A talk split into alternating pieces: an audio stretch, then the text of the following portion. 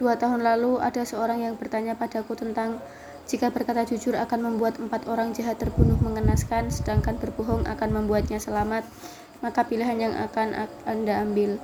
Kamu ada tahu apa jawabannya, Lasri? Jawabanku adalah, aku bahkan bersedia memilih mati bersama dengan empat orang jahat itu demi menegakkan kebenaran. Sulastri terdiam. Kalimat zaman begitu bertenaga dan mengagumkan. Tapi kabar baiknya, kita tidak akan mati hari ini, Lasri. Aku tidak bodoh masuk ke rumahmu tanpa rencana. Sebentar lagi akan ada yang datang menyelamatkan kita. Kamu akan menghabiskan hari tua di penjara Prancis. Zaman melirik jam tangannya. Persis di ujung kalimatnya dari atas, pintu basement di lantai dibuka paksa dari luar. Dashcam bergegas turun.